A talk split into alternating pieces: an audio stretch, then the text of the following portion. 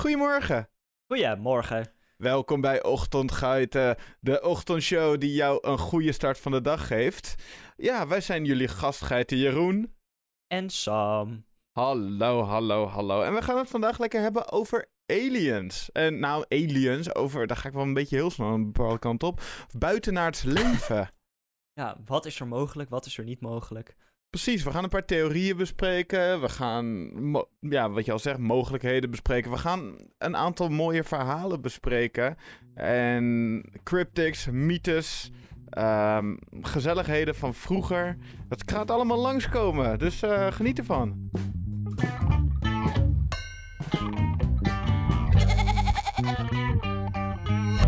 Nou, Nou, zijn we dan?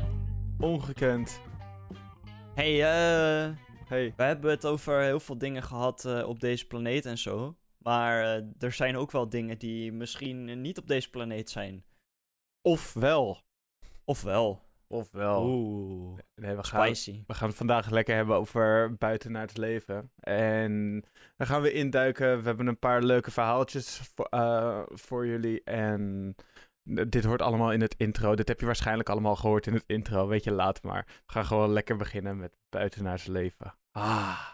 Heb jij wel eens buiten naar het leven gezien? Of tenminste dat jij gedacht hebt van... Hé, hey, dat is buiten naar het leven. Nou, nee. Ehm, maar ik heb wel een soort. eh, dan gaan we hier maar meteen met, met de deur in huis vallen. Ik heb wel een soort meme. ehm, dat er zijn heel veel. Ja, je hebt het met bands, je hebt het met tv-presentators en presentatrices, je hebt het Mhm. met acteurs en actrices, je hebt het met allemaal verschillende soorten mensen. Hm. En ehm, soms dan doen ze dingen en dan kijk je ernaar en dan denk je, jij lijkt als op een alien die zich tussen de mensen probeert te mengen. Ja, ja, dat is toch altijd het ding met Mark, eh, Mark Zuckerberg. Onder andere, ja. Ja. En eh, waar, er zijn ook echt gewoon, ja, er zijn, ik heb niet een concreet voorbeeld, maar als je daarop gaat letten, dan zie je op een gegeven moment gewoon echt dingen gebeuren dat je denkt van, wacht, huh? En eh, dat, eh, ja, dat, dat zijn natuurlijk gewoon mensen die ge- gewoon een beetje rare dingen doen. Maar ehm, Of, of het is de glitch in de Matrix. En dan zijn het allemaal NPC's, die mensen. wow, Aha. Maar dat is stof voor een andere aflevering. wat een, wat een termen allemaal. Ja, heftig Nee, hè? maar ehm, ja, nee, ik, dat, ik heb nog nooit echt gedacht, gedacht van dit is buitenaards leven. Oké, Niet serieus in ieder geval. nee, precies. Oké, oké. Nou, ik, ik ook niet. Maar ik dacht, eh, even een leuk vraagje om mee te beginnen vandaag. Laten we maar gewoon lekker... eh, ik, ik ga even voor de, voor de pauze, tussen aanhalingstekens. De pauze is, de, eh, is het ontbijtje. Ga ik even wat leuke, interessante dingen doornemen over buitenaards leven. Dus... eh, en eh, Sam weet er ook van alles en nog wat vanaf. Dus we gaan gewoon lekker lullen. Lekker man. Nou ja, Ja, man. Het universum is meer dan 13 miljard jaar oud, denken we. En heeft zo'n 2 biljoen sterrenstelsels en ongeveer 20, eh 20.000 miljard miljard sterren. En ja, 20.000 miljard miljard is een beetje moeilijk om voor te stellen. Maar als je Ja. het getal voor je wil zien, dat is dus een 2 met 22 nullen erachter. Dus Ja, en, Wel en dan, wat. nog, dan nog denk je, oh, dat is veel. Maar dat, je kan het gewoon niet eens bevatten hoeveel dat eigenlijk is. Nee, want elke nul is, is iets in het teamfout. Of in het, nou ja, is mm, ja, iets in het teamfout. En dat is zo bizar veel gekkigheid. Ongelooflijk. Ehm, wetenschappers denken dat in onze melkweg Oh. zelfs al 40 miljard planeten zitten die bewoonbaar kunnen zijn. Dus dat is best wel veel. Ik heb een, eh, een soort vergelijking. Ehm, er, zijn, er is een schatting dat er ongeveer 100 triljoen zandkorrels eh, op aarde zijn. Dat is een 1 met 20 nullen. Dus ehm dan kan je het misschien wat makkelijker eh, Zo. bevatten. Dus het is de hoeveelheid zandkorrels op aarde keer, eh, keer 2 2 miljoen. Nee, meer zelfs. Nou ja, heel veel. Veel. Ja, nou ja, met een eh, universum zo oud en zo groot is de kans dat er ergens anders leven te vinden is, of een beschaving te vinden, is best wel groot. Wij hebben geen flauw idee hoe deze eruit zouden zien. Het enige voorbeeld wat we hebben van beschaving, dat is onszelf. Maar ander leven kan nog wel op een hele andere manier in elkaar zitten. Om te weten waar naar we een beetje moeten zoeken voor buitenaards leven, is een framework opgebouwd. Waardoor we. eh, waardoor ja, we een beetje kunnen weten wat we moeten zoeken. En op die manier ons zoekgereedschap kunnen afstellen daarop. En het lijkt me wel leuk om dit framework even door te nemen. En om te kijken ja, hoe, hoe beschavingen op andere planeten eventueel in elkaar kan zitten. En dit kan ook geprojecteerd worden natuurlijk op onze eigen, op onze eigen wereld en onze eigen toekomst. Zin in, Sam? Ja, Wauw, lekker man. heel erg benieuwd. Ja, ik ga wel wat rustiger praten deze aflevering. Want het, ik, ik probeer soms door mijn informatie door te denderen. En dit is gewoon best wel shit waar je gewoon wel over na moet denken. Dus ik ga het proberen rustig te houden. En vooral omdat heel veel dingen ook niet op dit moment visueel gemaakt kunnen worden. ehm, ja, heb ik, heb ik wat meer woorden nodig om het even allemaal goed uit te leggen. Maar, dit framework. Nou, een progressie van een beschaving is te herkennen aan de hoeveelheid energy, eh, energie een beschaving omzet. Bij de mens was dit eerst alleen spierkracht, toen we nog eh, jagers en verzamelaars waren. En vanuit daar werd het op een gegeven moment, eh, werd het, werd, het, werd het vuur maken. Daar had je alweer wat meer energie voor nodig. Bij spierkracht is het in principe alleen maar eh, voedingsstoffen van het eten en drinken wat je krijgt omzetten in kinetische energie, waardoor je armen kunnen bewegen en dat soort dingen. Eh, met vuur was het echt dat je eh, een grondstof van buitenaf verbrandt. Er zit superveel energie in bijvoorbeeld hout, dus daardoor brandt het, kan het ook zo goed branden. En vanuit hier begon de mens steeds meer energie te verbruiken en begon dat op een gegeven moment ook op te halen uit wind, bijvoorbeeld met zeilboten en water, bijvoorbeeld waterratten en zo. En daarna ook uit fossiele brandstof. En ja, dat zorgde er uiteindelijk voor dat we, eh, dat we die grote vooruitgang hadden. En daarmee kon je onze vooruitgang eigenlijk ook meten. Een voorbeeld van snelle vooruitgang is bijvoorbeeld het verschil wat we hadden tussen eh, 1800 en 2015, waarbij de bevolking met een factor van 7 is toegenomen, terwijl er meer dan 25 keer zoveel energie geconsumeerd werd. Je ziet dus dat, ja, dat hoe verder wij als civilization eh, komen, hoe meer energie wij nodig hebben. Ja. En ja, dit zou ook nog steeds zo doorgaan in de, in de toekomst. We gaan gewoon voor onze behoeftes gaan we steeds meer energie nodig hebben. En dat werkt ook zo bij andere eh, beschavingen. En om beschavingen te categoriseren, maken we gebruik van de Kardashev-schaal. En ja, dat is, dat is dus dat zojuist, eh, zojuist genoemde principe en die schaal die eraan hangt. En dit is dus een manier om de beschaving in te delen op basis van hun energiegebruik. Nou, er zijn vier verschillende categorieën die ik even nu kan benoemen. Een type 1 beschaving is dat ze alleen energie van hun eigen planeet gebruiken. Een type 2 beschaving kan ook energie van een ster en van het sterrenstelsel gebruiken. Een type 3 beschaving kan de energie van hun melkwegstelsel gebruiken. En een type 4 beschaving kan de energie van meerdere eh, sterrenstelsels gebruiken. En zo met die fases, eh, die lopen nog daarna ook steeds meer op. Er is ook nog een 5 waarbij je echt met eh, energie kan gebruiken vanuit de verschillende clusters. En met energie gebruiken, wat ik gelijk dacht van, oh, wij kunnen energie gebruiken van de zon. Dus wij zouden in de type 2 zitten. Maar dat is niet hoe het werkt. Met energie wordt echt bedoeld dat je echt een invloed op, eh, uitoefent op een bepaald hemellichaam of een bepaalde planeet of zo. Ja, hoe je het anders kan benoemen is dat je volledige controle erover hebt. Ehm, als wij een type 1 zouden zijn, dan zouden we volledige controle over de aarde moeten hebben. En dan zouden we dus ook bijvoorbeeld het klimaat moeten kunnen beïnvloeden. Precies. Dat is iets waarop je het het makkelijkste kan, eh, kan bedenken. Ja, wij zitten dan op een ongeveer. Wij zitten op een 0,75. Yes. Yes.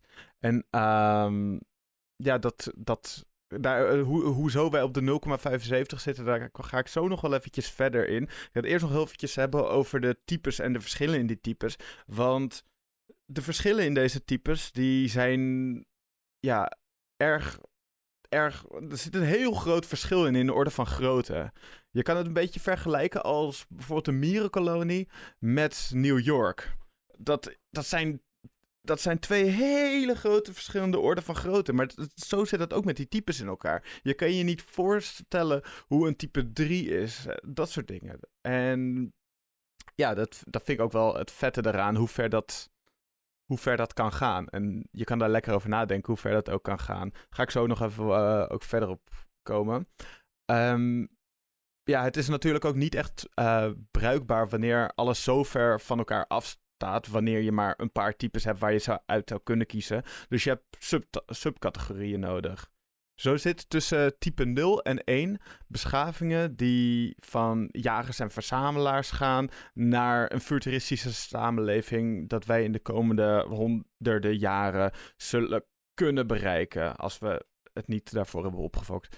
Ehm, hiervan zou... Basically. Ja, ja, Daar Komt komt, het wel wel op neer. komt er zeker op neer.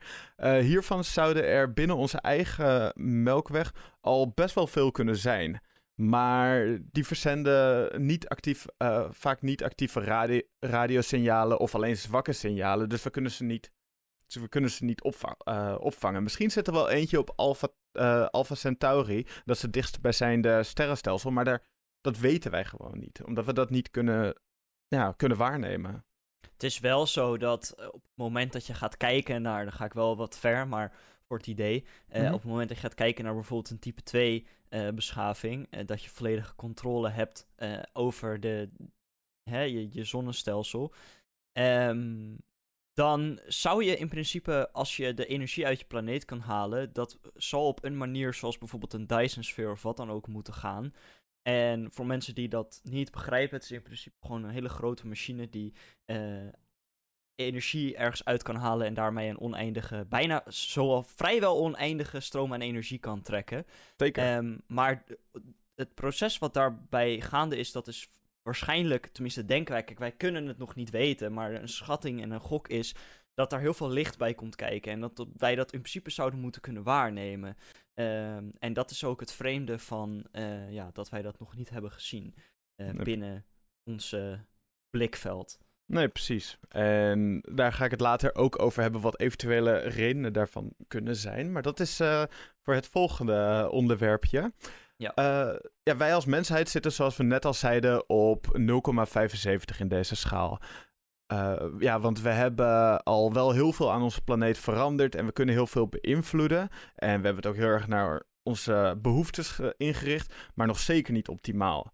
En ja, dat maakt het dat wij gewoon nog geen, eh, geen type 1 beschaving zijn. Dat zou pas over een paar honderd jaar zo, eh, zo kunnen zijn, wanneer we Ja. op deze manier ook doorgroeien als, als soort. Wat ik er leuk vind aan deze schaal is dat het altijd uit, eh, het gaat uit van één soort basisprincipe. En dat is dat intelligente beschavingen altijd eh, ja, verder, verder willen zoeken. Ze willen meer ontdekken en dat soort dingen. En ze zijn altijd eh ex, expansio, expansio, jee. Nou, ze willen altijd verder zoeken. Even een woord Verder waar ik... eh, groeien. ja, lekker verder groeien, man. En, maar dat, is, dat zit in de natuur van de mens. Want dat is ook hoe wij opgebouwd zijn. We willen altijd willen groter worden door onze intelligentie. We willen meer hebben. We willen meer maken. Daar zit ook een deel in dat je altijd met elkaar wil concurreren en zo. En dat is, dat is hoe je als intelligent wezen leert te overleven. En hoe je op een gegeven moment een beschaving kan maken. Maar ja, dus dat is wel iets waarvan we denken dat andere beschavingen, eh, als je echt naar andere beschavingen zou kijken, dat die dat ook zouden moeten hebben. Want dat is Ja. de manier hoe intelligent leven doorontwikkelt. En een duim. En een duim? Ja, duim is essentieel. Oh, Anders kan je geen dingen pakken en gereedschap maken en dat soort dingen. Nee. Dus een, een soort moet een duim hebben, anders kunnen ze niet doorgroeien tot de intelligente soort. nee, klopt inderdaad. Ehm, maar als je dus op een gegeven moment type 1 beschaving hebt bereikt, dan zou je dus verder gaan kijken naar andere opties buiten je planeet. En zou je proberen andere planeten en hemellichamen te veranderen en daar energie vandaan te halen. Eh, dit kost ook veel energie. Dus dan zou de eh, beschaving uiteindelijk de grootste energiebron van het sterrenstelsel nodig hebben en zou dat eh, gaan optimaliseren om daar zoveel mogelijk energie krijgen. En dat is de ster. En dan kom je inderdaad op zo'n Dyson-sfeer waar we het zojuist over hadden. Dus een, ja, zo'n heel groot ding om de zon heen die alle energie opvangt. En wat je net ook al zei, dat je gewoon een onuitputbare bron van energie hebt. Wanneer dit op een gegeven moment gelukt is, wanneer op een gegeven moment ons, uh, ik zeg nu ons, wanneer op een gegeven moment de hele, uh, hele zonnestelsel over, over is genomen en het gebruikt wordt om energie te halen en om verder te kunnen groeien en dat soort dingen, gaan ze op een gegeven moment gaan beschavingen ook op een gegeven moment proberen naar andere sterrenstelsels te gaan, om zomaar dat constante uitbreiden te blijven hebben. Hier, ja, hier wordt het ook een beetje moeilijk om het je voor te gaan stellen. Um, ik vond dat al een beetje met de overgang van type 1 naar type 2. Maar daar kun je nog wel specifieke bij, uh, dingen bij door uh, voorstellen. Maar nu gaat het ook om zulke grote ruimtes tussen de sterren, sterrenstelsels. Dat je dat echt. Ik, vind, ik vond het moeilijk om het voor te stellen. En het wordt ja. ook alleen maar erger hoe hoger je op die schaal komt. Ja, wat veel mensen misschien niet beseffen en waar ik ook heel lang eigenlijk niet echt heel erg over na had gedacht, is dat de ruimte vooral leegte is. En ja. uh, wij denken altijd dat er overal wel dingen zijn, omdat wij heel veel dingen in de lucht zien. Maar er is vooral niks. En uh, de zeker. afstanden tussen zonnestelsels en zeker tussen sterrenstelsels is zo gigantisch groot dat je je eigenlijk niet eens kan voorstellen dat een, een, een organisme die afstand kan, uh, kan ja, ja, dan praat je, kan praat reizen. Je, praat je over zoveel lichtjaren. Dat dat, Ja. Dat dat gewoon geen enkel organisme zou dat in zijn, leven, eh, in zijn leven kunnen. Totdat je op een gegeven moment dingen gaat, eh, gaat creëren of eh, natuurwetten gaat veranderen, zodat je uiteindelijk wel sneller van de ene naar de andere kant uh, kan gaan. Maar anders is dat gewoon niet te doen. Maar dat is ook het, dat is het, ook het interessante van wanneer je bovenschaalt, uh, uh, boven fase 2, zeg maar, komt in die, of type 2 komt in die schaal. Dat is dat we het gewoon niet weten. We kunnen echt heel veel uh, nadenken erover. We kunnen heel veel van onze creativiteit erop loslaten. En dat maakt het ook wel vet om erover na te denken. Maar we weten het gewoon op dit moment niet. Omdat we niet weten wat we nog allemaal kunnen vinden in het heelal. Wat we kunnen gebruiken of wat we ontdekken of bedenken in het heelal. Wat we kunnen gebruiken om uiteindelijk verder te komen. Maar ik denk dat er manieren gaan kunnen zijn om verder te komen. Dat is gewoon een gedachte. Um, maar hoe? Geen flauw idee. Ja, en of wij dat gaan behalen is ook nog weer de vraag. Hoe bedoel je, wij? Ja, kijk, als mens. Ja, als mens. Zeker, zeker.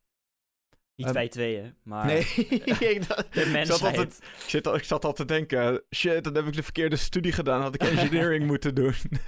Ja, kijk, het, het, het is voor ons sowieso wel moeilijk om te beseffen, omdat het heel erg ontastbare dingen zijn. Maar ja. op een, bij moet je ook al een beetje beseffen dat een type 2 um, ja, is wat makkelijker voor te stellen, omdat we bijvoorbeeld al vanuit een aantal organisaties en, en instanties bezig zijn om bijvoorbeeld naar Mars te gaan en zijn op de maan geweest en dat soort dingen. Dat, weet je, dat is al. Dat is nu gaande. En ja, zeker. Dat ja, heeft misschien niet met, zet ons niet meteen naar een type 2 uh, beschaving, absoluut niet zelfs. Maar uh, dat is wel al in die richting. En um, nou hebben we de één nog niet eens bereikt. Maar um, ja, dat, dat zijn dingen om over na te denken. Ja, en het is natuurlijk, je praat dan over een orde van grootte die gewoon nog. Um, we kunnen het ons nog voorstellen dat je uh, dat, je, dat het dan een paar jaar zou duren voordat je bij een andere plan, uh, bij een heel ver, hele verre planeet bent of iets dergelijks. Maar dat kunnen we in principe nog voorstellen. Maar ik denk vooral ook wat ons hierbij tegen zit om je dingen voor te stellen voor na die type 2, is gewoon dat, er zo, dat je zulke grote afstanden moet afleggen. Ja. Dat, dat is gewoon, ja, gewoon niet te doen, joh. Um, Even kijken, ja, ik, ik had ook nog uh, neergezet dat het een beetje. Het is een beetje te vergelijken met wat voor. Uh, als je op een gegeven moment boven type, uh, boven type 2 richting type 3 komt, dat soort dingen, is het een beetje te vergelijken met. Ja, wat wij, de, wat wij denken over bacteriën die in de mierenhoop zitten. Dat is voor mensen die al richting type 3 gaan, is, is dat het. Dan zijn wij niks. Echt niks. Ja. En de kans dat er bij ons in de buurt bijvoorbeeld een beschaving is van type 3 of hoger is erg klein. Want anders hadden we het waarschijnlijk wel opgemerkt. Maar, Ja. met bes- maar het zou echt wel kunnen dat er ergens an- op andere plekken in het heelal beschavingen zitten die ja, boven de type 3 zi- zitten. En dat kunnen er veel meer zijn dan, dan dat we denken. Misschien is er wel verder in het universum zelfs een eh, volledige type 4 of een type 5 eh, beschaving. En dat is dat ze echt invloed gaan uitoefenen over die superclusters waar ik het ook over had. Ehm, dus dat zijn gewoon eh, hele grote clusters van verschillende sterrenstelsels en galaxies bij elkaar eigenlijk. We weten het gewoon simpelweg niet. En dat is ook het, het, het, het vette aan deze gedachte. En misschien is er wel een beschaving type Omega. En dat is een beschaving die invloed zou kun- eh, kunnen uitoefenen over het hele universum. En mogelijk over andere universums ook.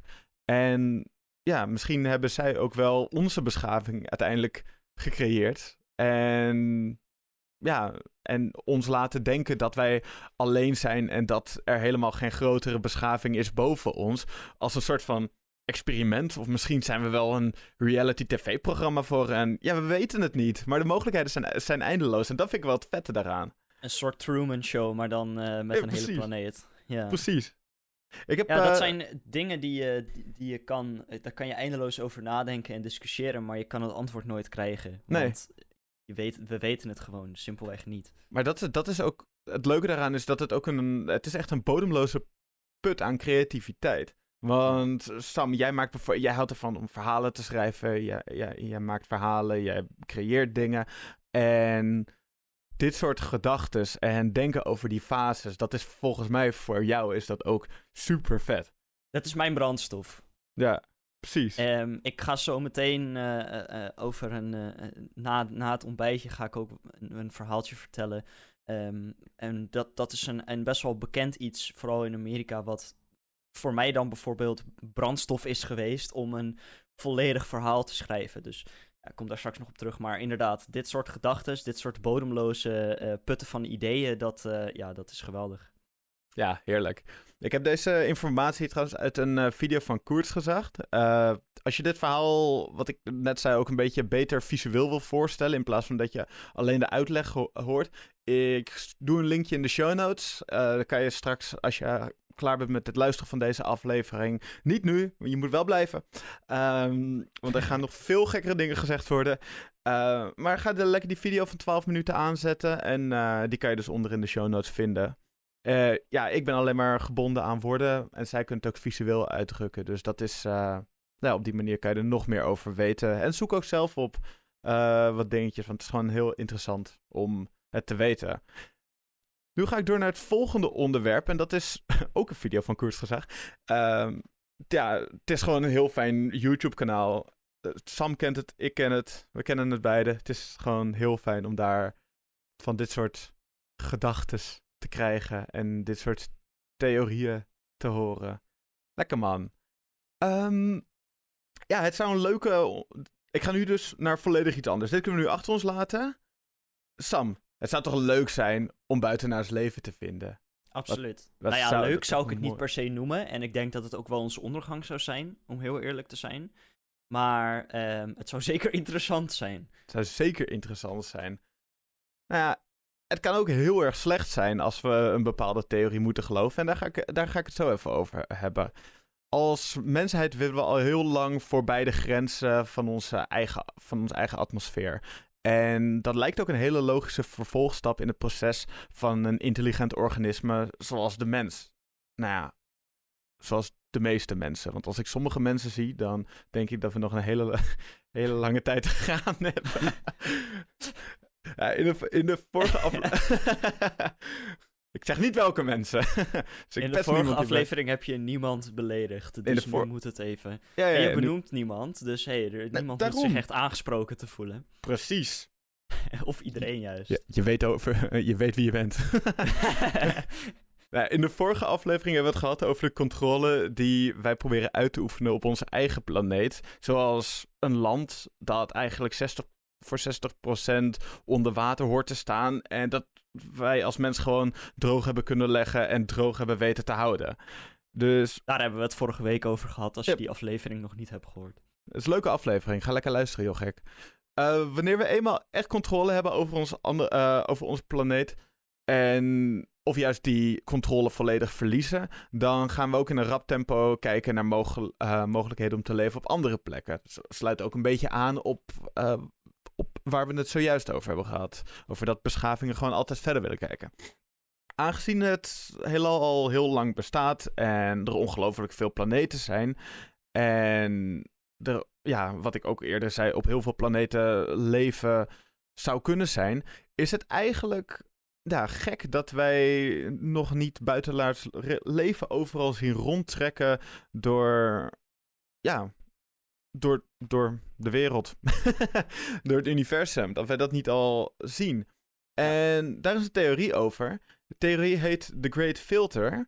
En ja, The Great, Fil eh, The Great Filter, dat zou een reden kunnen zijn waardoor, waardoor we ze niet zien. En dat het niet gelukt is voor andere, eh, voor andere soorten om buiten, om buiten de grenzen van hun eigen zonnestelsel of om gewoon een intergalactische beschaving te worden, die wij dan ook zouden kunnen zien. En eh, ja, lekker uitleggen geblazen. En, ja, lekker man. Een beschaving wordt stapsgewijs geavanceerder. Zo waren, er, zo waren we als mens 200.000 jaar geleden pas zo ver dat we net begonnen zijn met stokken puntig te maken om mee te jagen. En een aantal stappen hoger zijn, zijn we, redelijk recentelijk, naar de maan gegaan. Ook weer een aantal stappen hoger dan waar we nu zijn, is dat we een intergalactische eh, beschaving zouden kunnen worden. Eh, deze stappen zouden ook voor iedere eh, beschaving moeten gelden. Want zoals we al eerder, eh, eh, eerder gezegd hebben in de aflevering, het zit in de, natuur van intelligentie om altijd maar verder te ontwikkelen en nog verder uit te gaan breiden. Dus ja, we zijn gewoon van nature, willen we altijd alsmaar doorgaan. Er zijn twee verschillende opties waar het filter kan zitten, dat ervoor zorgt dat er niet al een intergalactische beschaving is. Eh, naar onze kennis natuurlijk. De eerste optie is dat dit filter achter ons ligt. Dat wij als beschaving als eerste door dit filter heen gekomen zijn. Waar andere materie niet doorheen is gekomen. Maar waar onze beschaving wel door opgebouwd is. Bijvoorbeeld, het kan op andere planeten zijn dat evolutie gewoon niet positief heeft uitgepakt voor intelligente organismen. Wat het bij de mens wel gedaan heeft. Een andere mogelijkheid is dat precies de chemische reactie dat leven heeft gecreëerd eh, bij ons op aarde zo toevallig is. eh, ja, dat het gewoon op andere planeten niet heeft plaatsgevonden. Van wat wij nu weten is de reden dat er leven op onze planeet is aan één specifieke reactie te danken dat ooit gebeurd is en dat eigenlijk per ongeluk gebeurd is. Want ja, want het is niet een natuurlijke reactie die heeft plaatsgevonden. Het lijkt me misschien wel interessant om daar ooit ook een aflevering over te doen. Maar dat is gewoon De soep. Over, over hoe, ja precies, over de soep en hoe leven ontstaat en hoe we als mens uiteindelijk intelligentie hebben gekomen. Dat lijkt me wel. Absoluut. Er zijn ook hele interessante experimenten eh, uitgevoerd die een aantal dingen hebben bewezen en ontkracht hebben. Dus daar kunnen we inderdaad ook eindeloos over praten. Ja, we kunnen zo over zoveel dingen eindeloos praten. Het is ongekend, inderdaad. Ehm, het zou best wel goed kunnen dat dit de eh, reden is dat er geen buitenaards leven eh, is. Of dat we geen buitenaards leven gevonden hebben. Ehm, het zou dus goed nieuws zijn als dit filter achter ons ligt. Want daar zijn we er gewoon doorheen gegaan. Maar het zou ook kunnen dat deze chemische reactie al vaker is gebeurd. En dat er ook ja, intelligente soorten, intelligentere soorten ook waren. Waarbij evolutie ook positief uitgepakt heeft. En die kans is ook zeer aannemelijk, want het universum is zo ongelooflijk groot en zo ongelooflijk oud. Dit zou dus ook gelijk kunnen betekenen dat het filter nog voor ons ligt in de stappen naar een intergalactische beschaving.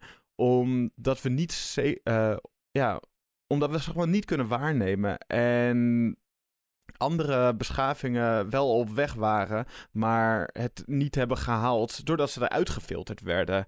Hierdoor zou ja, dit, hierdoor zou het heel slecht kunnen, eh, kunnen zijn als we buitenaards leven vinden. Want dan maakt het gewoon echt die kans groter dat dat filter nog voor ons ligt. Wanneer dit filter uh, voor ons ligt, is de kans erg groot dat wij als soort, net als vele andere soorten die er al tegen aangelopen zijn, dit niet zullen overleven. Hoe dit filter eruit ziet, dat weten we eigenlijk niet. Uh, maar het zou iets moeten zijn wat ervoor zorgt dat een hele soort uitgeroeid, uh, ja, uit kan roeien en dat er geen enkele overlevenden zijn. Gelukkig is de kans ja, aannemelijk dat we het filter al gepasseerd zijn. Maar we weten het gewoon simpelweg niet. Laten we maar hopen dat we geen buitenaards leven tegenkomen dan. Want dan is de kans groter dat we het filter nog tegen moeten komen op onze reis naar de intergalactische. Uh, om een intergalactische beschaving te worden. En het is een theorie. Uh, wat je misschien ook wat minder bang maakt. Maar wel een theorie die volgens mij logisch lijkt. Sam heeft heel hard zijn hand gestoten aan de tafel. Uh, wat vind jij van deze theorie, Sam? Nou, plausibel. Um, maar het is en blijft een, uh, ja, een, iets wat je niet kan bevestigen en ook niet kan ontkrachten.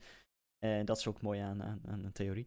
Maar ja, um, je, ja het, het, zeg maar, ik denk dat er wel een, een, een kern van waarheid in zit. Uh, maar inderdaad, wat je zegt, hoe dat filter zich uit, dat is, ja, je kan honderd uh, dingen bedenken en dan nog uh, zijn de mogelijkheden eindeloos. Het is, het is bizar ja, dat, dat is het wat ook. er allemaal zou kunnen gebeuren. En in principe heeft het ook helemaal geen zin om erover na te denken.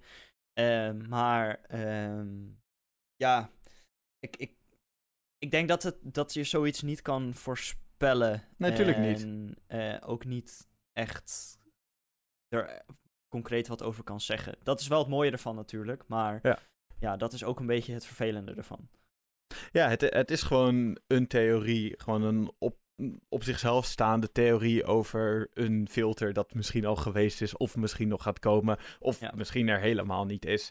Dus het is. Um, ja, ik vind het inderdaad wel een, echt een leuke theorie. Het is een leuke manier om na te denken over waarom we eigenlijk nog geen intergalactische beschavingen zien. Uh, het zou ook kunnen dat er wel intergalactische beschavingen zijn en dat dat filter er niet is, maar dat we de intergalactische beschavingen gewoon nog niet hebben waargenomen of dat die te ver zijn daarvoor. Die kans is ook allemaal heel groot. Maar ik vind het wel een leuke theorie om, uh, om even lekker besproken te hebben aan onze lieve kijkeraar, kijkeraartjes, luisteraartjes en nou, kijkers.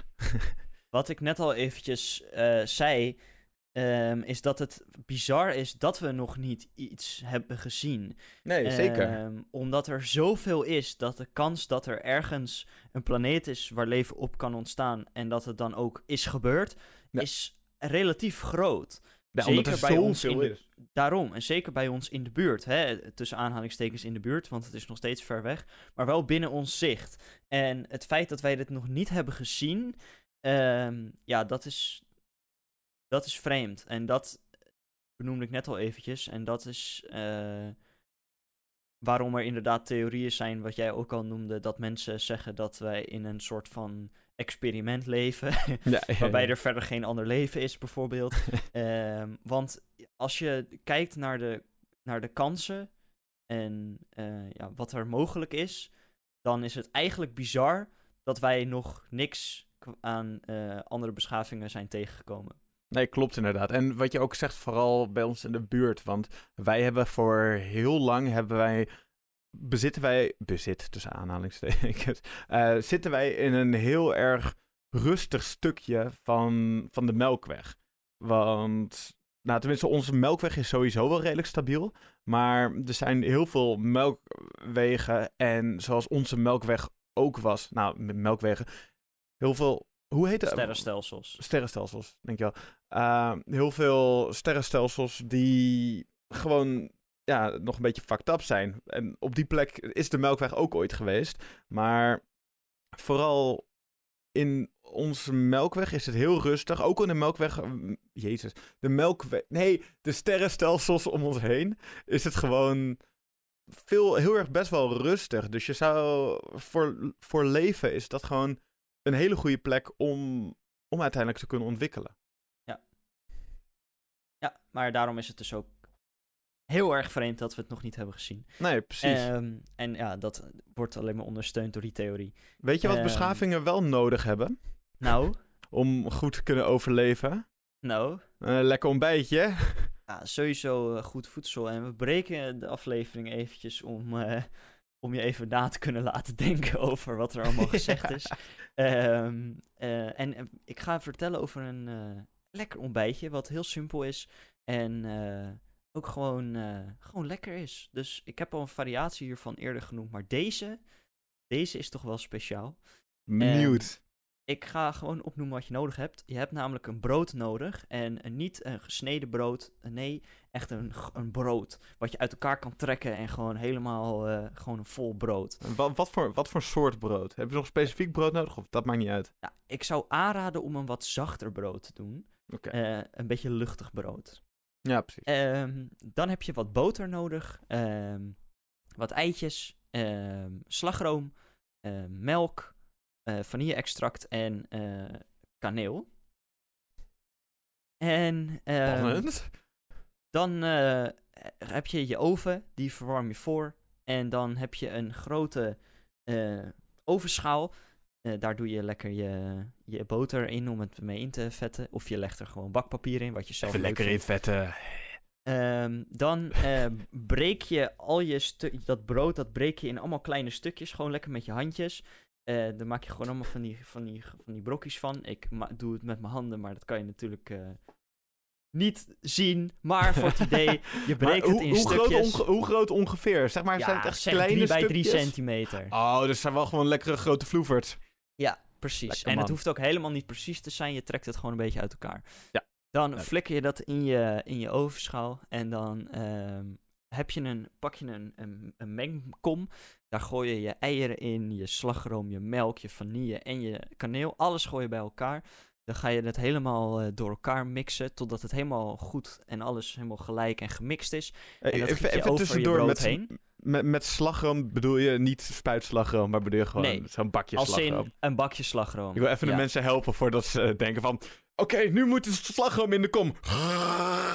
Als, in een, een- als, in, als je in een recept slagroom ziet staan, dan is het nooit uit een spuit. Nee, dus, dat klopt. Ehm, Maar ja, Dat- sommige mensen zijn misschien als ik. voor het idee. Ehm, je, je giet het geheel van in je kom, eh, giet je over het brood heen. Eh, wel als het al in de, in de, in je, hoe heet het? Hoe heet het nou? In de, in de bak. Ovenschaal. In de ovenschaal. Holy Ja, shit, je had er net ook al moeite woorden, mee. Nederlands. Ehm, Welcome to the club, man. Man, man, man. Eh, ja, nou, dan gooi je het in de oven voor drie kwartier en dan is het helemaal goed. En je doet het op een lagere temperatuur. Ik denk, eh, ik denk een graadje of, eh, nou, wat zal het zijn? 100, 160? Ik zal even kijken wat het precies is. Ehm, Maar dat klinkt wel echt heel erg lekker. 180 graden. Nou, dat valt wel mee hoe laag. Ja, dat is een standaard bakding. Maar goed, Ja. daar krijg je dus, eh, krijg je dus eh, heel erg lekker eh, brood. En eigenlijk wat je dus doet met het mixen van al die spullen, maak je eigenlijk een soort van custard. En dus je maakt eigenlijk een soort custardbrood. En dat is lekker. Ja? Is nice. Ja. Lekker, dus ik zou het zeker doen. En de- hoeveel mensen is het een beetje? veel. Ik denk dat je hier echt wel zes porties uit kan halen. ehm, als je een hele ovenschaal vult. Lekker, man. kan er ook gewoon, eh, als je honger hebt, een, eh, een avondje van eten. Maar eh, midnight snack, volledige ovenschaal. Maar in principe is het voor zes personen. Het is een heel goed iets bij bijvoorbeeld een, een, een paasontbijtje of een, of een kerstontbijtje, hè, wat ook alweer eraan zit te komen. Ja, Ehm, dus ja. lekker, man. Het gaat geprobeerd worden. ja. En het, het mooie is dat je, eh, ja, het, het is gebak, je kan het in principe bewaren. En je kan er eh, een aantal dagen ook van eten, mocht je dat leuk vinden. Of gewoon lekker delen met je, met je familie en of je vrienden en, eh, en eh, misschien je huisdieren als die het ook leuk vinden. Dus ja, ik raad dat zeker aan. Nice. Er, er is net een wonder gebeurd. Oh, Si- Sinds we deze podcast aan het maken zijn, is mijn, is mijn ene oortje staat harder dan mijn andere oortje. Dus ik hoor je met name uit mijn linkeroortje. En uit mijn rechter hoor ik je ook, maar wel gewoon een stukje minder. Maar ik was net, ik was een beetje aan het spelen met het tussenstukje van het oortje. En ik hoor je ineens weer bij, eh, in bij, aan beide kanten hoor ik je goed. Eh, dit is waarom je geen oortjes neemt, maar een koptelefoon gebruikt. Ja, maar ik heb jou al uitgelegd dat ik ga gillen als ik een koptelefoon op heb. En ik denk, dat dat het, is, het is heel leuk en het is heel interessant, maar ik heb net geen zin in dat onze lieve luisteraartjes bloedende oren krijgen. ja, fair enough. Aan de andere kant heb ik ook weer een limiter erop zitten, maar dan klink ik gewoon harder. Wij Ik zijn misschien- professionals. We zijn professionele mannetjes. Oega! Ehm, hey, eh, laten we eh, tot de orde van de dag gaan. En eh, dat is namelijk buitenaards leven. En er is iets wat iedereen al wel kent, maar ik ga het toch even benoemen. oh, het oortje is weer uitgevallen. Oh jee, ik ga zo meteen een verhaal vertellen wat nogal... eh, ja, ik zou, je kan het wel vergezocht noemen, maar eh, je, je komt er zo meteen wel op. Maar het belangrijkste is dat ik even de basis neerleg. En dat is wat iedereen wel kent, maar ik ga het toch even benoemen. Het Roswell-incident, 8 juli 1947. Via diverse media, zowel kranten als radiostations, eh, werd het echt groot nieuws in, in de Verenigde Staten. Berichten over een vermeend eh, neerstorten van een vliegende schotel nabij eh, Roswell eh, staat bij ufologen, zoals je dat noemt, bekend als het belangrijkste UFO-incident ooit. Ehm, dit startte een heleboel, heleboel dingen, namelijk echt ontzettend veel ja, volksverhalen en, en, en incidenten en, en nieuwtjes en interesses. En het hele land staat sindsdien eigenlijk wel op zijn kop als het gaat om buitenaards leven. Ja, Ehm, in eh, eh, juli eh, 1947 zou er op een boerderij vlakbij Roswell een, een, een hele opmerkelijke gebeurtenis hebben plaatsgevonden. Eh, de melding daarvan zorgde korte tijd voor wereldnieuws. De persdienst van het Roswell Army Airfield eh, verklaarde namelijk in een officieel persbericht dat een neergestorte vliegende schotel een UFO was geborgen. Ze noemden het ook wel. eh, de, de titel was eh, RAAF eh, Captures Flying Saucer. Zo stond er in, eh, ja, in diverse Amerikaanse kranten. Een dag later kwam er een nieuw eh, ja, communiqué. Het is eh, echt heel bijzonder dat het, hoe dit allemaal verlopen is. Maar er bleef maar steeds, het nieuws bleef veranderen. Dus daar, vandaar dat ik het belangrijk vind om te benoemen. Ja. Ehm, er werd gesproken van een neergestorte weerballon. Toen werd het meer dan 30 jaar stil. En pas in 1978, dus gewoon echt iets meer dan 30 jaar later, kwam het Roswell-incident weer in het nieuws. eh, Toen de bekende Canadese UFO-onderzoeker Stanton T. Friedman in eh, contact kwam met oud-major Jesse Marshall.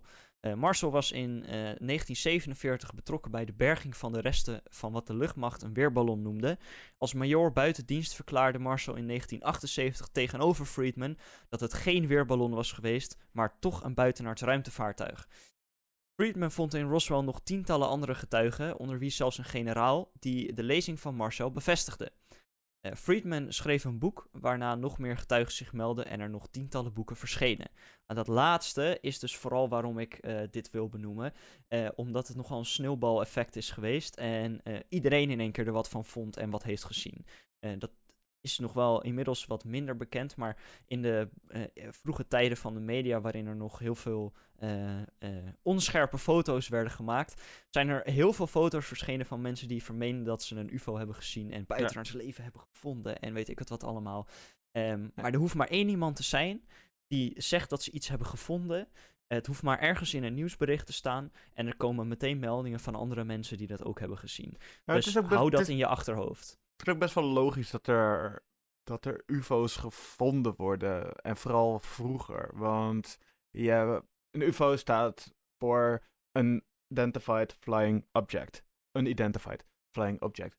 En dat is gewoon iets wat je niet kan definiëren. Nu is de betekenis die we eraan eh, hebben gegeven, is inderdaad ehm, dat het iets buitenaards is. Dat het voor, voor de mens als soort niet te, te identificeren is. Uh, maar het was gewoon heel vaak vroeger dat, dat bijvoorbeeld uh, Ru de Russen een testvlucht deden ergens met een nieuw soort vliegtuig. En dat, uh, dat er zijn ook dingen die van de luchtmacht die op een discus leken vanaf een bepaalde engel en dat soort dingen, die dan gefotografeerd werden. Dus ja, Denk ook dus... aan uh, bijvoorbeeld zoeklichten. Um, als het bewolkt is en er zijn grote lichten die heen en weer schijnen, dan lijkt dat precies op een aantal vliegende uh, uh, UFO's. Dus ja.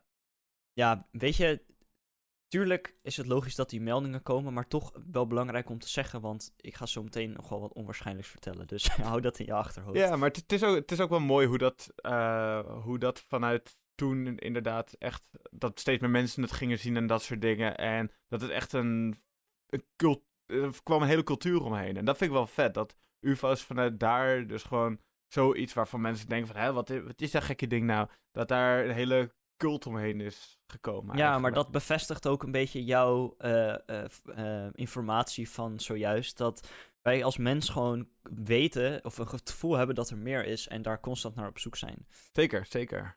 Ehm, de discussie rond het Roswell-incident, die nog altijd aanhoudt, leidde tot heel veel vragen in het Amerikaanse congres en een nieuwe verklaring van de Amerikaanse luchtmacht. In 1998, dus weer 20 jaar later nadat het, eh, Friedman eh, eh, iedereen heeft geïnterviewd, presenteerde de US Air Force de nieuwe uitleg in een persconferentie die zelfs door CNN rechtstreeks werd uitgezonden. Daarin kwam de luchtmacht met het Project Mogul-verhaal. De crash was niet één van een weerballon, maar van een veel grotere spionageballon waarmee de Amerikanen de Russische vorderingen op nucleair gebied trachten te monitoren. Ja. In 2006 heeft de luchtmacht een vierde verklaring voor het Roswell-incident gepresenteerd. Volgens die laatste lezing was er sprake geweest eh, van het neerstorten van een cockpit-dummy met etalagepoppen. De nieuwe verklaring en vooral het voortdurend wijzigen van de uitleg van de overheid heeft de aanhangers van de UFO-theorie er nog meer van overtuigd dat er in Roswell meer is gebeurd dan wat de luchtmacht het publiek voorhoudt. Ja, dat is toch zo Als je iets probeert achter te houden, kom op, ga op het begin één verhaal bedenken en hou je daar aan. Want het stomste wat je dan kan doen, is zeggen, oh nee, eh, het is toch zo gebeurd. Op eh, 11 april 2011 eh, maakte de FBI een verslag uit 1950 openbaar, waarin een luchtmachtfunctionaris de vondst van drie UFO's en negen lichamen rapporteert. Hierin staan onder meer de vorm van de objecten beschreven, als mede de geborgen lichamen in de objecten. Ehm, ja, en ik weet dat er op dit moment heel veel, eh, zeker Amerikaanse militairen zijn, die uitgezonden zijn geweest en eh, onverklaarbare dingen hebben gezien en nog steeds eisen dat ehm, ja, de, de Amerikaanse een, een regering gewoon wat laat weten. Want er zijn nog heel veel vraagtekens hier eh, omheen. Ja. Ehm, dit heeft natuurlijk een heel veel eh, dingen eh, gedaan. Het Roswell-incident is onderwerp van tientallen documentaires en een speelfilm over het hele voorval. In de jaren negentig verscheen er ook een zogenaamd clandestien gemaakte film van de autopsie op het lichaam van een bij Roswell verongelukt buitenaards wezen. Film werd eh, wereldwijd uitgezonden, maar filmmakers gaven later toe dat de film een publiciteitsstunt was en het lijk van de alien een pop was met dierlijke organen. Ehm, hangar 18, de hangar op eh, Wright-Patterson Air Force Base, waar volgens sommigen het bewijs van het Roswell-incident ligt opgeslagen, heeft zijn naam geleend aan onder andere een film, een rapgroep en nummers van Ingrid Malmsteen en Megadeth. Ehm, het is ook een toeristische attractie geworden. Er zijn een aantal, eh, ja, is een UFO-museum in Roswell en daar staat van alles, maar het is vooral om te laten zien wat mensen ervan hebben gemaakt en niet zozeer wat er daadwerkelijk is gebeurd. Want Nee, dat is nog steeds niet duidelijk. Inmiddels 70 jaar later, eh, bijna 80, nog steeds niet duidelijk. Eh, er zijn een aantal oude krantenartikels uit 1947 en een aantal eh, ja, memorandums uit, uit 1950, waarin mensen dus wel echt een rapport hebben geschreven dat ze vliegende schotels met lichamen van kleine mannetjes hebben gevonden.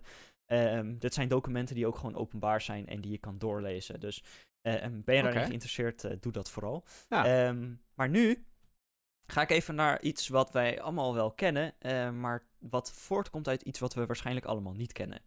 Ehm, of tenminste, wat ik niet kende toen ik hiervan hoorde. Eh, wij hebben allemaal, net zoals jij waarschijnlijk, Jeroen, wel gehoord van The Man in Black. Zeker, is een leuke serie, eh, filmreeks. Ja, hele leuke filmreeks. Ehm, eh, soms ook wel afgekort tot het acroniem MIB. Dat is bedacht door John Keel. MIP. En het zijn vreemdelingen in zwarte pakken, soms met zwarte Kevlar vesten en zwarte helmen over die pakken, eh, die UFO-getuigen bedreigen zodat ze hun mond houden. Ehm, dit, zijn, eh, dit is allemaal eh, verzamelde informatie die gebaseerd is op verhalen die mensen hebben verteld met eh, momenten dat ze in contact zijn gekomen met de Men in Black. Dit is iets wat... oh, dat is echt? Dit is echt. En Oh, dit is iets wat veel. ver voor de films een ding was. Oh, wauw. Ehm, zij vallen ook getuigen van andere paranormale gebeurtenissen lastig om een stil te houden over wat ze hebben gezien. Sommige rapporten vermelden dat ze ook privégebieden in de eh Appalachen eh, bewaken. Eh, dus echt in de bergen, dat ze daar een beetje, beetje rondlopen. De Men in Black reizen gewoonlijk in een groep van drie en rijden in zwarte voertuigen. De meeste meldingen gaan over auto's, maar sommige meld, meldingen vermelden echt grote SUV's. Ehm, ze vertonen vreemd of buitenaards gedrag, zoals proberen jello te drinken of niet weten wat een balpen is. En ze schijnen over geavanceerde technologie te beschikken. Eén vrouw beweerde zelfs dat de mannen eh, eh, ehm, ja, een deel van haar geheugen hebben afgenomen. Dat is natuurlijk een heel bekend fenomeen als het gaat om buitenaards leven. Ja. Ehm, ja, Men in Black spelen echt een hele belangrijke rol in, eh, in de UFO-folklore. In 1947 uh, beweerde Harold Dahl dat hij eh, door een man in een donker pak was gewaarschuwd om niet te praten over zijn vermeende UFO-waarneming op Maury Island.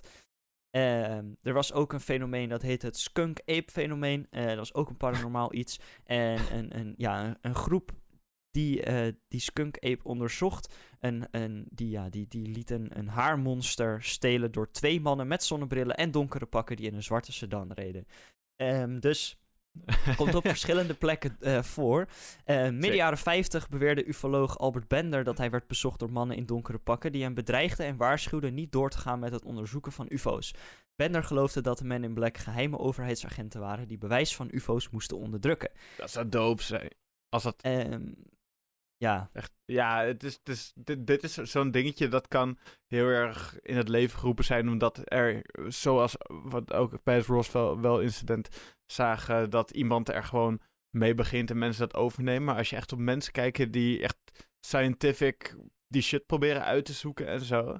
Dan zou ik wel denken van ja, ik denk dat daar dan echt meer achter zit. Nou, wat wel belangrijk is om bij, bij stil te staan, is dat al deze ehm, waarnemingen komen uit de jaren 50. En ehm, Ah ja. er, zijn, er- zijn er wel van mensen van later, maar die, zijn, die kan je eigenlijk niet echt serieus nemen. Eh, deze tot op zekere hoogte misschien ook niet. Ehm, dat laat ik even in het midden. Maar belangrijk is om, dat, om te weten dat de media niet echt een ding was hier. Je had kranten en je had radio, Ja. maar eh, verder eigenlijk niet. Dus dat er verschillende meldingen waren van hetzelfde soort eh, ja, personages die men tegenkwam en op dezelfde manier bedre- be- bedreigd werden eigenlijk. Ehm, zonder dat die mensen dat van elkaar hebben kunnen weten. Dat is eigenlijk wat belangrijk is hier. Ja, dat, Ehm, dat, dat waar inderdaad. En het, ja, ja, ja, en het was natuurlijk in de, in de jaren 50 was ook waar het Roswell-incident plaats heeft gevonden. De- dus dingen kunnen aan elkaar gelinkt, eh, gelinkt worden. En mensen die, die eh, gaan, willen er dan ook meer induiken. En misschien komen een aantal van die scientists komen op goede sporen terecht en zo. Dus dan wil, dat wil de overheid niet. Dus Ja. die gaan Ja, dan maar een- gewoon mensen hebben die... Wat een heel bekend verhaal is, is dat er een, een man is geweest die heeft een eh, magazine gemaakt. eh, specifiek over UFO's en buitenaards leven.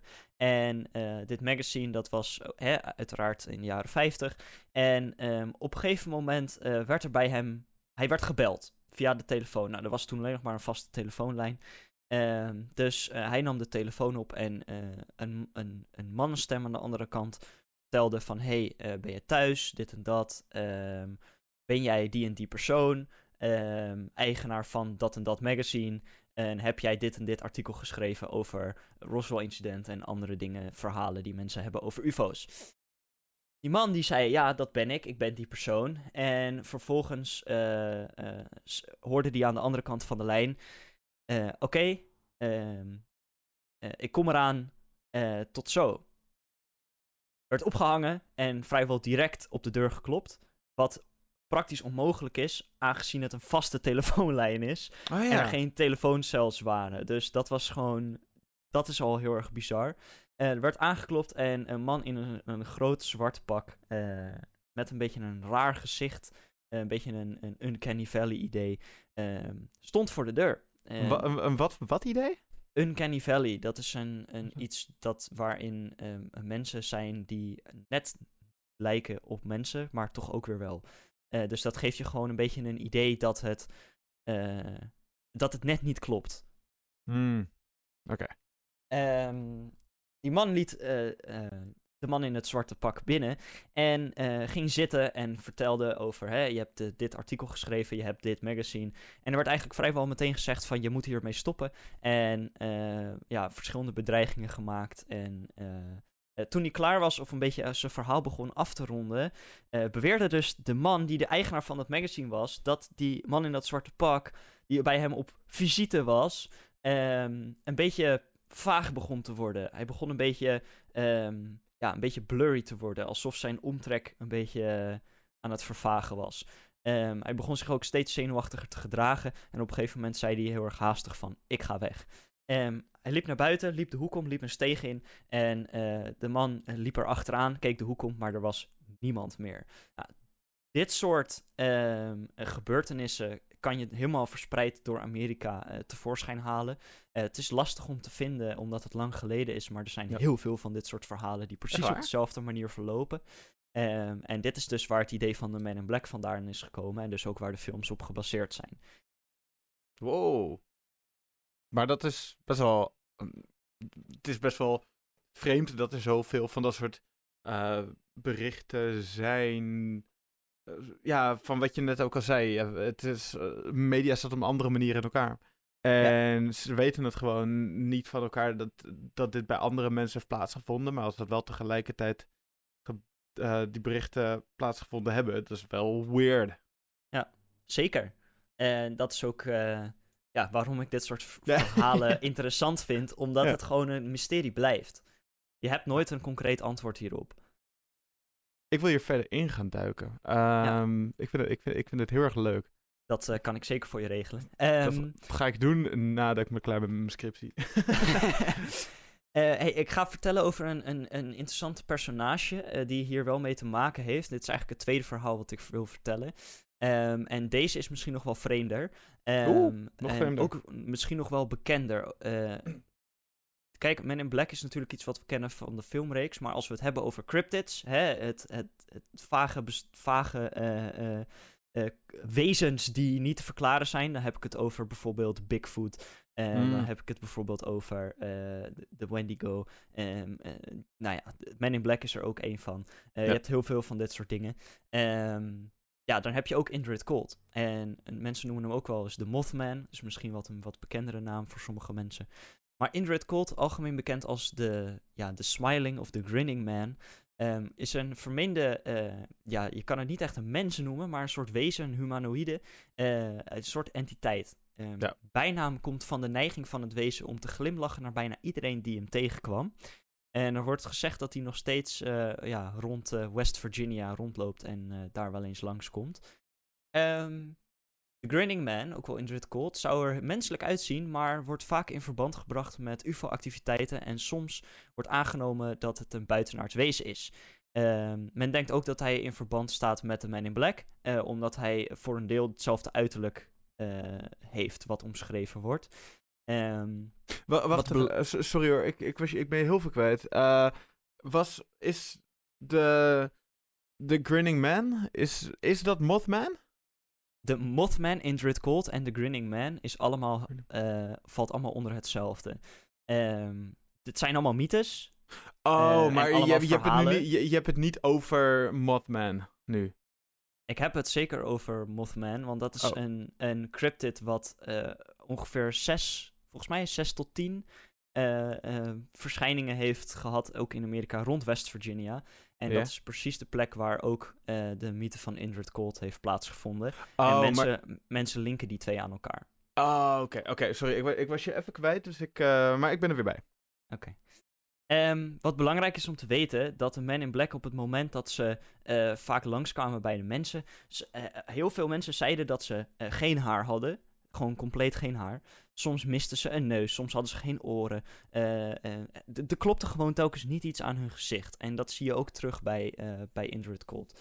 dus hou dat in je achterhoofd. Um, bij zijn eerste waarneming werd hij beschreven als meer dan 1,80 meter lang. En droeg hij, dat is, was toen een stuk langer dan nu. Wel belangrijk om te weten. Wij zijn als Nederlanders heel lang. Maar over het algemeen rond de jaren 50 en 60 waren mensen een, een stuk kleiner. Dus boven de 1,80 meter was echt wel groot. Um, hij droeg een reflecterend groen pak met een zwarte riem. Had een donkere huidskleur en kleine krauwoogjes die ver uit elkaar stonden. Hij had geen neus, oren of haar. Um, in zijn tweede bekende ontmoeting werd gezegd dat zijn pak blauw was in plaats van groen, maar nog steeds de reflecterende eigenschappen hield. Daarnaast werd beschreven dat er voorkomen natuurlijk uitzag met opgestoken haar, een jas met de bovenste twee knopen los en een broek die lichter was dan de jas, maar van hetzelfde materiaal. Hij werd ook beschreven als vrij bruin, hoewel niet donker en zag eruit als een normaal mens. Er uh, zijn dus verschillende, verschillende rapporten en verschillende dingen. Um, Er is een man geweest, Woodrow Derenberger. En Woodrow Derenberger heeft eh, eh, een eh, omschreven en ook wel ehm, ja, een boek geschreven, kan je eigenlijk wel zeggen. Dat hij een ontmoeting heeft gehad met Indrid Cold, gesprekken met hem heeft gevoerd en ook mee is gegaan naar de planeet van Indrid Cold. Wat helemaal bizar is en ver gaat. Ehm, maar eh, ja, hij was een, een, een, een verkoper. Hij verkocht eh, naaimachines en, rond West Virginia. En ehm, in, in november, ergens in de nacht, zei dat hij op een business trip was. En ehm, ja, hij was op, op, op de weg aan het rijden. En zoals je weet in Amerika, zeker vroeger, waren de wegen, of zijn de wegen heel lang. Ehm, in het wild, Zeker. met niks om je heen. Dus ja. ja, hij was daar op de weg en op een gegeven moment zag hij wat lichtjes voor hem. Hij dacht dat het politie was, eh, dus hij eh, stopte. En toen kwam hij erachter dat het lichtjes niet van een auto waren, maar van een soort voertuig, vliegend voertuig. Ehm, wat leek op een, een eh, wat, zoals hij dat noemde, een, eh, een eh, kerosinelamp. En een soort van, eh, ja, een soort schoorsteenachtige vorm. Oké. Ehm Derenberger zei dat de man uitstapte en naar zijn truck toe liep. Hij zag er helemaal normaal uit als een, een, als een mens. Grappig dat hij dat ook wel eh, expliciet noemt. Eh, dat zegt hij trouwens op een interview tegen WTAP-TV in Parkersburg, West Virginia. De dag nadat hij deze eh, ontmoeting had. Ehm, zijn gezicht zag er goed uit. Hij, had, hij had een beetje een, ja, een, een, een suntan, zoals hij dat noemde.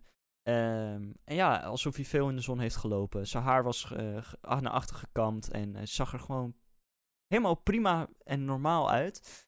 Ehm, maar hij was niet normaal. Hij had een hele, hele, hele grote grijns op zijn gezicht. En zijn armen die eh, waren over elkaar gevouwen. En zijn handen zaten onder zijn, eh, zijn oksels. En ehm, ja, hij, hij sprak tegen Derenberger, maar zijn glimlach bewoog nooit. Ehm, en Derenberger zei ook dat hij telepathisch communiceerde en dus ook niet echt sprak uit zijn mond. Ehm, ja, hij vroeg of, eh, of, hij, eh, of, eh, of zijn raam naar beneden zou doen. En ja, hij deed dat zeker. Die man die stond daar en vroeg hoe die heette. En ehm, ja, hij wist wat zijn naam was. En ja, zei: Ik ben Indrid Cold. Vroeg: Waarom ben je bang? Je hoeft niet bang te zijn. Wij. nou ja, ik zal het per- exact quoten. Why are you frightened? He said. Don't be frightened. We wish you no harm. We mean you no harm. We wish you only happiness. Dum, als mij dat zou gebeuren, terwijl ik zo een beetje aan het rijden ben op zo'n weg, dan zou ik echt volledig eh, de weg kwijt zijn. Ja. Ehm, en eh, ja, hij zei dat zijn naam eh, Indrid Cold was. En vanaf dat moment heeft hij hem dus meerdere keren nog ontmoet. Volgens Derenberger en is hij ook meegegaan naar zijn planeet. Ehm, volgens rapporten ehm, was het een planeet genaamd Lanulos in het Ganymedes eh, sterrenstelsel. En eh, ja, volgens Indrid Cold waren er nog twee andere eh, mensen die exact hetzelfde zoals hij waren. En die namen waren Demo Hassan en Carl Ardo. Ehm, en ja, dit is iets wat heel erg eh, ontastbaar is. Maar eh, ook hier, net als met de Men in Black, zijn er verschillende verhalen en verschillende verschijningen. En ze komen ook heel erg overeen met de verhalen van de Men in Black. En allemaal rond dezelfde tijd. En dit is dan specifiek allemaal rond West Virginia. In West Virginia heb je ook een Mothman Museum, omdat dat natuurlijk een hele grote legende daar is. Ehm, en daar wordt Indrid Cold ook genoemd. En ook de, eh, ja, de ontmoeting met Woodrow Derenberger. Wat vind je ervan, Jeroen? Ja, ik, ik heb... eh, ik voel... Ik heb bij deze is het een beetje... eh, zit het er komt... eh, eh, het is een beetje te vaag of zo. Het is heel vaag. En er is, eh, eh, net als met de Men in Black, is het gewoon iets dat je zo zit van: oké, wat? Wat moet ik hiermee? Dit is gewoon iemand die eh, te veel heeft gedronken, te veel drugs heeft genomen, eh, in een soort van psychose zit. Ja, eh, precies. Weet ik veel wat. Ik, ik, word- ik Ehm, word er een beetje cynisch van. Zeg maar, ja, ik denk van, snap ja, ik. eh, Snap ik. En eh, eh, dan ga, weet jij natuurlijk, hè, dit verhaal komt van een eh, volwassen man. Ehm, en je weet ook dat, net als eh, de rest van de mensen, dat kinderen heel erg eerlijk zijn. Ja. En dat kinderen eigenlijk niet eh, ja, zo goed dingen, de waarheid kunnen verbuigen en gewoon zeggen wat ze denken en wat ze hebben gezien. zeker, zeker. Ehm, Op 16 oktober 1966 Het verhaal gaat verder. ehm, is het allereerste ontmoeting ehm, met Indrid Cold. Dit is nog voor eh, de ontmoeting met Woodrow Derenberger. Twee jonge jongens, Mhm. Martin Mouse Moonoff en James Jimmy Yanchitis, eh liepen over 4th Street in New Hoe, Jersey. hoe oud waren ze? Ehm, Is dat weet ik niet? Eh. Ja, vast, maar jong. Onder de 10 jaar in ieder geval. Oké. Ja, dat, dat is Ehm, nog inderdaad de, de tijd dat ze nog niet zo goed kunnen liegen. Nee. Daarna Eh, ze, komt liepen, de puberteit. eh, ze liepen over 4th Street in New Jersey en toen kwamen ze een heel bijzonder figuur tegen die bij een hek stond. Toen ze dichterbij kwamen zagen ze dat het een lange, kale man met een donkergroen metalen pak was. De man kijkt hun recht in hun ogen aan met een iets te brede glimlach. Ehm, en de idiosyncratische man achtervolgde de jongens totdat ze hem kwijt waren. Rondom het gebied waar dit gebeurde zijn er dus wel heel veel ehm, ehm, ja, nieuwtjes naar voren gekomen dat er UFO's zijn gezien. Precies op dat moment, eh, eh, rond die periode, dat, eh, dat deze twee jongens deze ontmoeting hadden. Mhm. In een quote met een interview met de jongens is het volgende gezegd. Jimmy nudged me and said, Who's that guy standing behind you? I looked around and there he was, behind that fence, just standing there. He pivoted around and looked right at us. Then he grinned a big old grin. Vrij laat, nadat de jongens dit allemaal mee hebben gemaakt, herinneren ze zich de details van de gebeurtenis, zoals het feit dat de man onlogisch lang was en vooral dat zijn gezicht heel vreemd was. Hij had bijvoorbeeld geen oren of neus. Je mag er van alles van vinden van mij. Ik vind het maakt mij allemaal niet uit. Ik geloof niet dat dit allemaal echt is. Maar ik vind het wel interessant, omdat het een Zeker. level van mysterie heeft en omdat het gelinkt is aan buitenaardse leven, eh, wilde Ja. ik het wel graag vertellen. Ehm, ik raad ook eigenlijk iedereen wel aan om een, eh, ja, een, een tweetal video's te kijken die ik eh, naar jou ga sturen, Jeroen, zodat die lekker in de show notes komen te staan. En ehm, die video's leggen het nog verder uit en nog gedetailleerder. Ehm, maar eh, eh, ik wil hier eigenlijk mee bereiken dat het je een beetje aan het denken zet. En dat het ook een beetje. ehm, kijk, nu hebben we natuurlijk het internet en social media en van alles. En nu Ja. kan iemand zomaar iets zeggen, maar niemand gelooft diegene eigenlijk meer. Maar dat was toen heel anders. En eh, dat, komt, dat is ook een reden waarom er zoveel legendes en mythes uit die tijd zijn. Vooral in Amerika.